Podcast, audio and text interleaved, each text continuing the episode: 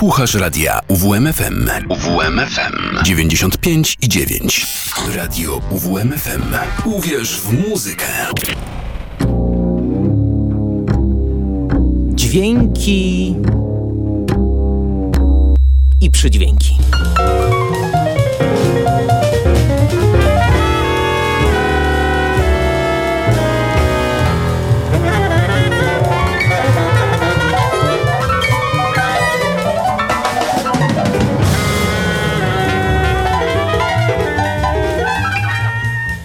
Przy mikrofonie Karol Kotański. Dobry wieczór Państwu. Zaczynamy kolejne dźwięki i przydźwięki na antenie radia UWMFM. Dzisiejsza audycja to trochę taki suplement do tej sprzed tygodnia, bo zachęcony Państwa pozytywnymi opiniami postanowiłem dziś cały program poświęcić japońskiej scenie eksperymentalnej, psychodelicznej, noizowej, scenie undergroundowej z kraju kwitnącej wiśni. Innymi słowy, dziś przez całą godzinę grać nam będą szaleni Japońcy i Japonki też, bo pań oczywiście również nie zabraknie.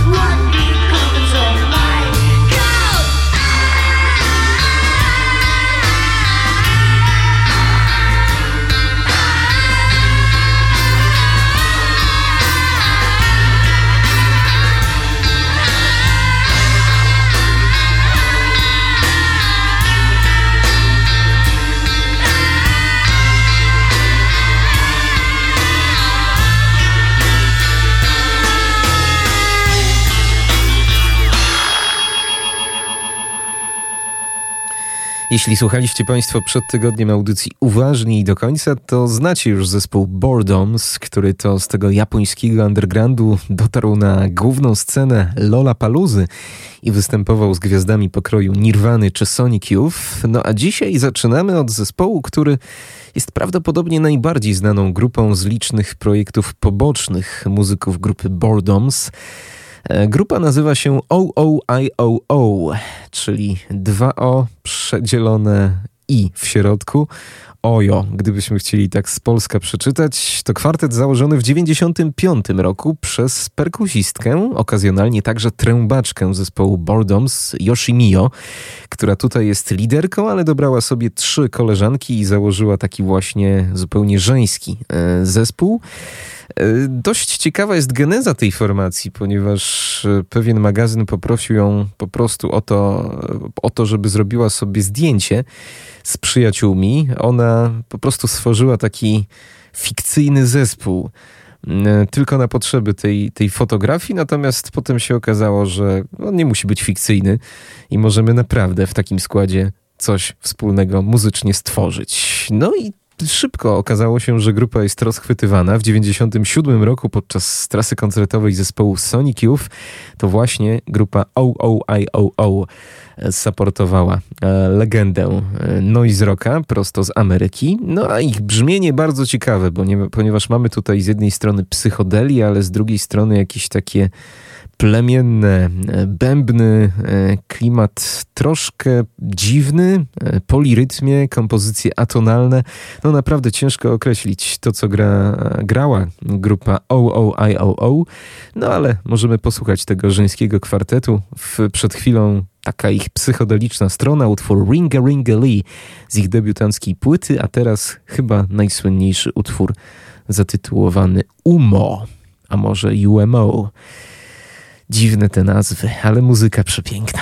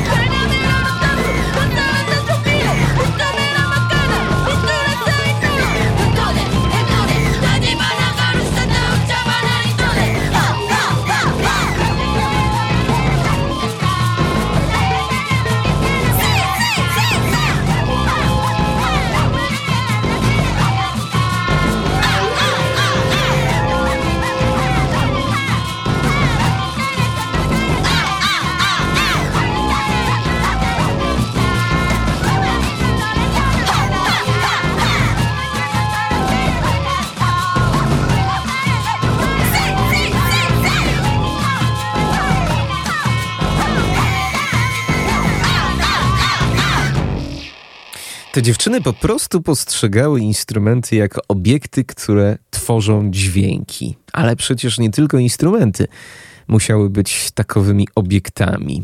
Mogły być to też zupełnie inne rzeczy. O-O-I-O-O.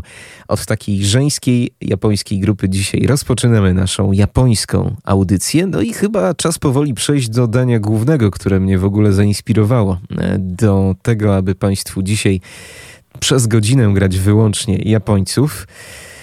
Kapela, która jest prawdopodobnie najbardziej wpływową japońską grupą rockową na zachodzie, mimo tego, że nigdy nie zagrała poza Japonią. Ba, nigdy tak naprawdę nie nagrała studyjnej płyty, a gro ich dyskografii to mniej lub bardziej oficjalne butlegi. Kapela, o której niewiele wiadomo, która jest owiana tajemnicą i licznymi mitami. Zespół, przy którym jest zdecydowanie więcej pytań niż odpowiedzi. Le Halis de Nudi. E, taka to francuska nazwa japońskiej grupy, która została założona w 1967 roku na Uniwersytecie w Kyoto i pierwotnie miała grać muzykę folkową, ale wszystko zmieniło się po usłyszeniu Blue Cheer i Velvet Underground. Wtedy zaczęli grać niebywale hałaśliwą i pełną sprzężeń muzykę psychodeliczną i już od samego początku deklarowali bardzo radykalne poglądy polityczne, lewicowe, lewackie, no ale też radykalnie podchodzili do tego rzemiosła muzycznego. Nie chcieli podpisywać żadnych kontraktów, wydawać żadnych płyt, iść na żadne kompromisy artystyczne, a koncerty miały być po prostu nośnikiem radykalnych idei społecznych. I proszę nie regulować za chwilę radioodbiorników. No chyba, że jedynie podkręcić głośność, bo za chwilę usłyszymy utwór, który jest ich chyba takim opus magnum, a wisienką na torcie będą okolice 9-10 minuty, kiedy te sprzężenia będą tak radykalne, że aż spowodowały przeciążenie sprzętu i ostatecznie małe defekty w nagraniu. No, można powiedzieć taka kwintesencja noizu, bo tego trzeba słuchać albo głośno, albo wcale, więc proszę co najwyżej rozkręcić gałeczki e, z głośnością i nie regulować radioodbiorników. Zostawię Państwa na 12 minut z Opus Magnum zespołu Le Halice i pytaniem, na które niebawem udzielę odpowiedzi. Co mają wspólnego komuniści, którzy uprowadzili samolot w 1970 roku z zespołem Le Halice? Proszę się zastanowić.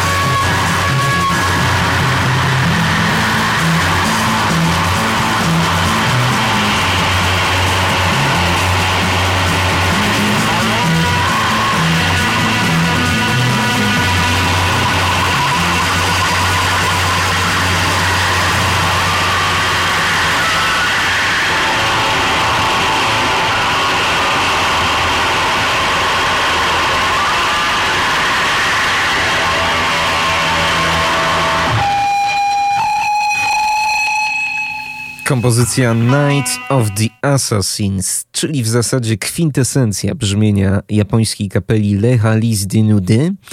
Na drugim planie sekcja rytmiczna gra proste, skoczne, powtarzalne rzeczy. W zasadzie gra nam doo bo to jest riff rytmiczny zapożyczony z jakiegoś starego przeboju z lat 50. No ale najważniejsze jest to, co dzieje się na pierwszym planie. Tutaj mamy tę hałaśliwą, totalnie przesterowaną gitarę lidera zespołu Takashigo Mizutaniego. Opowiem Państwu teraz pewną historię, która z pozoru mogłaby się wydawać historią totalnie wyjętą z kontekstu, ale puenta Państwa zaskoczy. Wyobraźcie sobie, że lecicie sobie do Fukuoki samolotem Boeing 737 linii Japan Airlines. Z pozoru lot jak każdy inny, no ale po 20 minutach okazuje się, że nie. Bo na pokładzie wyskakuje gość z samurajskim mieczem i z bronią w ręku ogłasza, że porywa ten samolot i żąda przekierowania go na Kubę. Po chwili na pokładzie ujawnia się jego dziewięciu uzbrojonych kompanów, którzy wstają z siedzonek i potwierdzają, że to nie jest żart, tylko to jest zaplanowany spisek i od teraz wszyscy mają się ich słuchać, jeśli chcą oczywiście ocalić swoje życie. Brzmi jak dobry scenariusz na film sensacyjny, tymczasem to jest prawdziwa historia, która wydarzyła się 31 marca 1970 roku kiedy to członkowie takiej anarchistyczno-terrorystycznej lewackiej grupy pod nazwą Japońska Armia Czerwona po prostu uprowadzili samolot pasażerski Japan Airlines. Chcieli e, dolecieć na Kubę i przejść szkolenie bojowe u Fidela Castro, żeby zainicjować azjatycką rewolucję komunistyczną. No nie będę się tutaj wdawał w niuanse tej historii, bo jest ona całkiem dobrze opisana, także w polskojęzycznym internecie. Ale powiem jeszcze tylko tyle, że e, porywacze e, dowiedziawszy się, że w samolocie nie ma wystarczającej ilości paliwa, ostatecznie zażądali, żeby lecieć do Korei Północnej. No i taka szybka zmiana planów, że okej, okay, nie lecimy do Fidela, tylko lecimy do Kim Il-sena. No ale ze względu na obecność na pokładzie amerykańskich obywateli do sprawy ostatecznie włączyło się CIA. E, Japończycy oraz Amerykanie skontaktowali się z rządem Korei Południowej i razem opracowali bardzo chytry e, plan uratowania zakładników. Był on nieco szalony, ale, ale jednak miał szansę powodzenia, bo e, piloci nie mieli absolutnie żadnego pojęcia, jak dotrzeć do Pjongjangu. E, no i przez radio e, zupełnie nieświadomie e, prowadzono ich do Korei, ale nie tej północnej, tylko południowej. I aby całą akcję uwiarygodnić, pozbyto się na lotnisku flag Korei Południowej, poprzebierano obsługę lotniska w mundury komunistycznych wojskowych, no a nawet po lądowaniu przez megafon przekazano komunikat, że Kim Il-sen serdecznie wita wrogów japońskiego imperializmu. Tak czy siak operacja prawie się udała, bo w ostatniej chwili porywacze zorientowali się, że to jest farsa, no i rozpoczęły się kolejne negocjacje. Ostatecznie zakładników uwolniono właśnie tam, w Korei Południowej, no ale samolot poleciał do Korei Północnej i dotarł do tego Pjongjangu. I co ciekawe, właśnie ci porywacze tam zostali, zostali tam na lata. I ta kilkuosobowa grupka była wykorzystywana przez północno-koreańskiego dyktatora do różnych tajnych operacji szpiegowskich. E, ta grupka zamieszkała w takiej małej wiosce na przedmieściach Pjongjangu.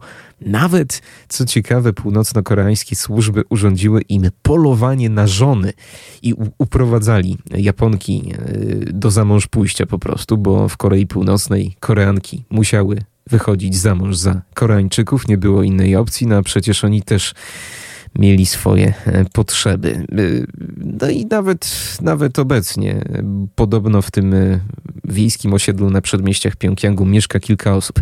No ale dlaczego ja Państwu opowiadam tej, tę historię, tę przedziwną historię, w której samolot japońskich linii lotniczych został porwany przez grupę uzbrojonych w katany komunistów? Ano dlatego, że jednym z tych dziesięciu porywaczy był Moriaki Wakabayashi czyli pierwszy basista zespołu Leha Lis Nude, który prawdopodobnie do dzisiaj mieszka w tej Korei Północnej, chociaż kto to wie, być może sam Kim Jong-kun nawet nie ma takiej wiedzy. E, ciekawostka jest też taka, że nawet Takashiemu Mizutaniemu, e, gitarzyście liderowi, to proponowano, ale podobno miał odmówić. No, po tej całej akcji jak się Państwo domyślacie, kapela była bardzo infiltrowana przez e, przeróżne służby japońskie i od tamtej pory de facto musiała funkcjonować w podziemiu. E, lider zespołu, gitarzysta Takashi Mizutani, podobno popadł w jakąś paranoję, rzadko pokazywał się publicznie. Od lat 90. tak naprawdę nikt go nigdzie nie widział. W ogóle spekulowano, że nie żyje, no ale jego śmierć nastąpiła jednak dopiero w roku 2019, a potwierdzono ją oficjalnie dopiero w 2021, dwa lata później. Taka to historia, która nie pozostała bez wpływu na dalsze losy zespołu Lecha Listy Nude, zespołu radykalnego i w muzyce, i w poglądach. No to co? Kolejna porcja muzyki przed nami. Strung out deeper than the night.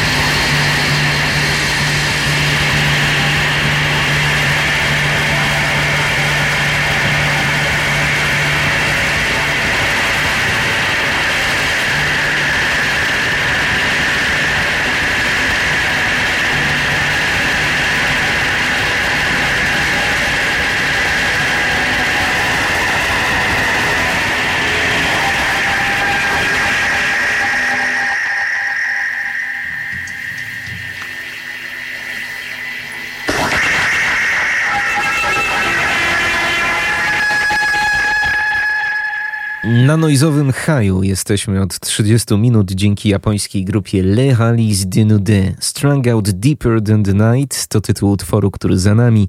No mogłoby się wydawać, że odkopuje jakiegoś trupa sprzed 50 lat, ale temat jest w zasadzie bardzo świeży, ponieważ to właśnie teraz, w roku 22-23 wychodzą reedycje płyt tego zespołu nakładem oficyny Temporal Drift i to są pierwsze oficjalne wydania płyt tego zespołu od roku 91. W roku 91 ukazały się e, pierwsze e, trzy płyty i to w zasadzie chyba były jedyne oficjalne wydawnictwa sygnowane nazwą tego zespołu, no i oczywiście masa bootlegów, które to pod różnymi tytułami występowały, między innymi pod takim bardzo ciekawym tytułem Heavier Than Death in Your Family. E, gdyby Państwo szukali tych nagrań, których dzisiaj słuchaliśmy, no to też je znajdziecie na płycie Live 77, chyba ich najsłynniejszej, ale to ten butlek i ta płyta to w zasadzie ten sam materiał. Le Halis de Nude. Frankofilem był podobno gitarzysta i lider zespołu Takashi Mizutani, stąd właśnie ta nazwa. Polecam zgłębiać i historię tego zespołu, i te nagrania. My tymczasem przenosimy się do lat 80. Zespół Daisuk and Prostitute zagra nam za chwilę. Daisuk to był wokalista, Daisaku Yoshino, natomiast Prostitute, no to cóż, to byli wszyscy inni. W tej kapeli ich muzyka była taką japońską odpowiedzią na to, co działo się na nowojorskiej scenie. No Wave, brzmienia postpunkowe, łączyli ze świdrującym saksofonem, a w roku 81 wydali debiutancki album Keep Dancing Till You Die. Taki to tytuł nosiła ta płyta, oczywiście w tłumaczeniu Tańcz aż do śmierci, tańcz dopóki nie umrzesz. I z tej płyty właśnie wysłuchamy dwóch utworów. Proszę mi wybaczyć, tytułów po japońsku już czytał, ni tłumaczył nie będę. Zespół Daisuk and Prostitutes.「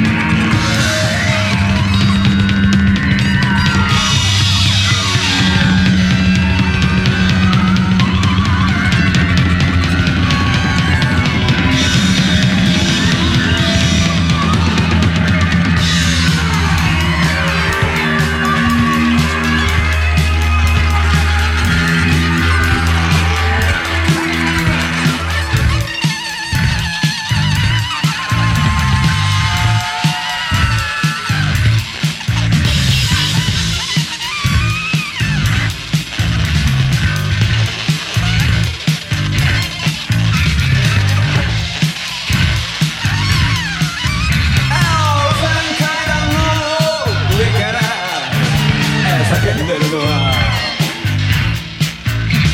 É, deixa eu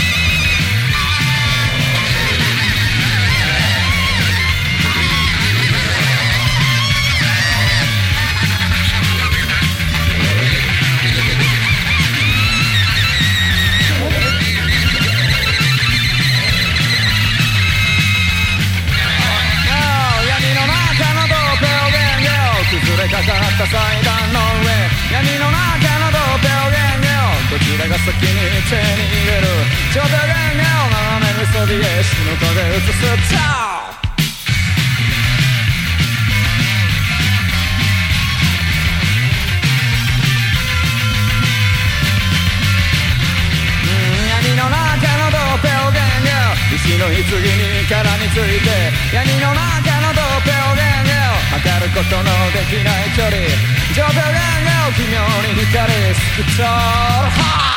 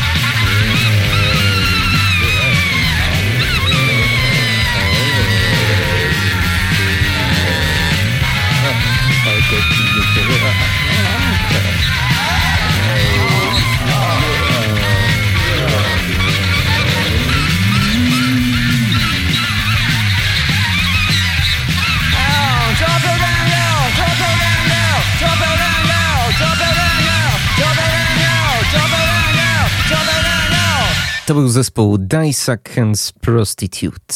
Proszę Państwa, zbliżamy się ku końcowi, ale jeszcze perełki przed nami, bo teraz Hiromi Moritani, znana lepiej jako Few, to jest japońska piosenkarka, która wraz z zespołem Aunt Sally współuczestniczyła w tworzeniu pierwszej fali japońskiego punk rocka. Po tym, gdy pod koniec lat 70. zobaczyła w Londynie występ grupy Sex Pistols, no ale ta kapela szybko się rozpadła, w zasadzie tuż po wydaniu pierwszej płyty, a Few, czyli Hiromi Moritani, rozpoczęła solową karierę. No i co ciekawe, ten jej pierwszy solowy album, zrealizowany w 1981 roku, został nagrany z udziałem Holgera Czukaja i Jakiego Libecajta, muzyków krautrockowej formacji Kan i w zasadzie y, oni jej ją wspierali potem także w licznych e, płytach kolejnych solowych. My dziś sięgniemy do albumu z 92 roku, który został wydany przez wytwórnię Mute. Płyta nosi tytuł Our Likeness. No tutaj e, za moment usłyszymy jakiego Libecajta, ale co ciekawe nie na perkusji, tylko na pianinie. To w utworze Ocean, no a potem kompozycja Like Water and Water, w którym e, to utworze na pianinie udzielał się będzie Aleksander Hake, znany nam z grupy Einsturzende Neubauten, a z kolei na saksofonie zagra Chris Lohas, muzyk takiej nowofalowej niemieckiej grupy Deutsche Amerikanische Freundschaft, czyli DAF. Słuchamy e, japońskiej artystki Few z płyty Our Likeness, rok 92. Música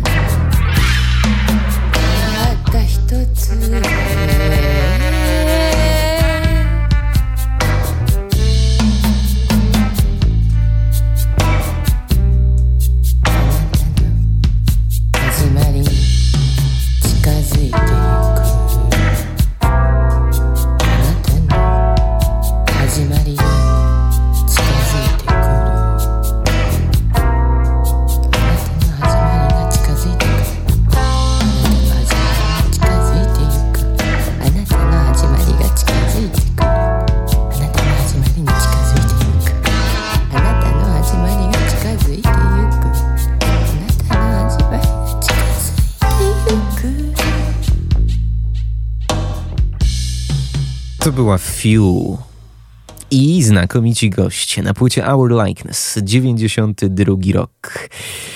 No a na koniec jeszcze raz coś z lat 90. z projektem E-Trans. Wybierzemy się już po północy do zakazanego miejsca Forbidden Place. Taki tytuł nosi utwór, którym się dzisiaj z Państwem pożegnam, dziękując za uwagę i za przemiłe jak zwykle spotkanie. Dziś japońskie do bólu, choć mam nadzieję, że nie do bólu, tylko do przyjemności bardziej. Do usłyszenia, dobrej nocy. Karol Kotański.